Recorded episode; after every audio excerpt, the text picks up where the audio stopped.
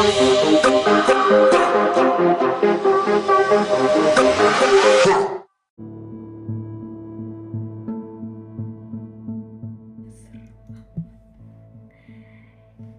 melompat di sebelah kamarku. Pada saat itu, komplek rumahku sedang heboh dengan sosok pocong yang katanya akan tampak di setiap pukul 11 malam.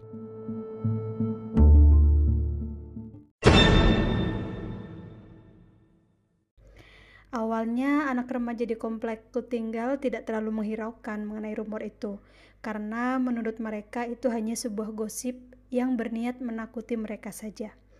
Tapi ternyata beberapa hari setelah itu, mereka benar-benar melihatnya. Di malam hari, tepat jam 10 malam, seperti yang sebelumnya sudah diceritakan, remaja komplek masih pada berkumpul di sebuah warung.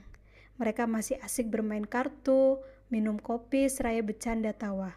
Tak disangka mereka melihat sesosok makhluk halus berwarna putih bak sarung guling yang terbang.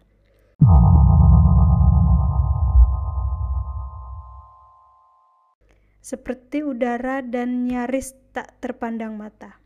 Dari situ rumor semakin menyebar cepat hingga membuat seluruh orang yang tinggal di kompleks semakin ketakutan. Seminggu sudah berlalu, aura horor di komplekku tidak juga menghilang. Terkadang aku juga sampai tidak berani untuk keluar malam karena rumor tersebut.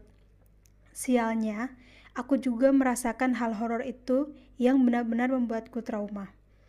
Kalau tidak salah, kejadian itu tepat di malam Jumat.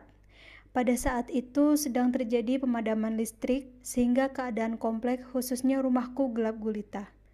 Aku sedang berbaring santai di kasur kamarku, hanya disinari dengan cahaya dari layar ponselku. Karena merasa suntuk, aku memilih untuk membuka medsos sambil mendengarkan musik dari ponselku. Sekitar setengah jam setelah itu, musik yang sedang aku dengar mendadak berubah menjadi suara erangan. Suara itu terdengar berat, sangat ngebas dan sukses membuat seluruh tubuhku merinding ketakutan.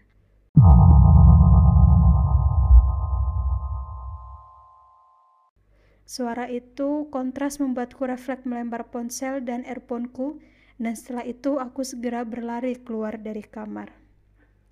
Sialnya lagi, kesialan itu tidak berhenti di situ saja. Setelah menunggu sekitar 10 menit, Aku kembali ke kamarku untuk memastikan suara musik di ponselku, mencoba mencari tahu apakah masih seperti itu atau tidak. Aku raih ponselku, lalu aku pasang earphone ke telingaku lagi. Dan ternyata suara musiknya baik-baik saja. Karena penasaran, aku mencoba untuk mendengarkan musik itu hingga berulang kali, tetap terdengar normal. Luar biasa, aku merasa sangat lega di situ aku berpikir hal itu mungkin dikarenakan ponselku yang rusak. Sudah merasa tenang, aku mencoba untuk tidur. Di sepertiga malam, tiba-tiba saja aku terbangun dan aku langsung melihat jam di ponselku.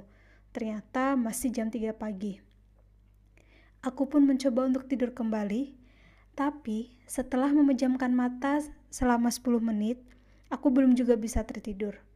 Karena merasa bosan akibat tak juga tertidur, aku memainkan ponselku. Namun, tak lama setelah itu, aku mendengar suara lompatan sebanyak tiga kali. Lalu menghilang. Bodohnya, aku hanya termenung mendengarkan suara lompatan itu yang kembali terdengar.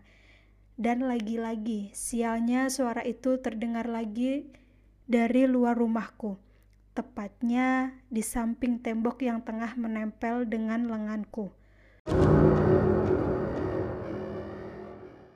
Sungguh, tak banyak yang aku lakukan, hanya berbaring lemas dengan keringat dingin yang sudah membanjiri wajah pucatku, hingga pagi menjelang tanpa sekalipun menutup mata. The end.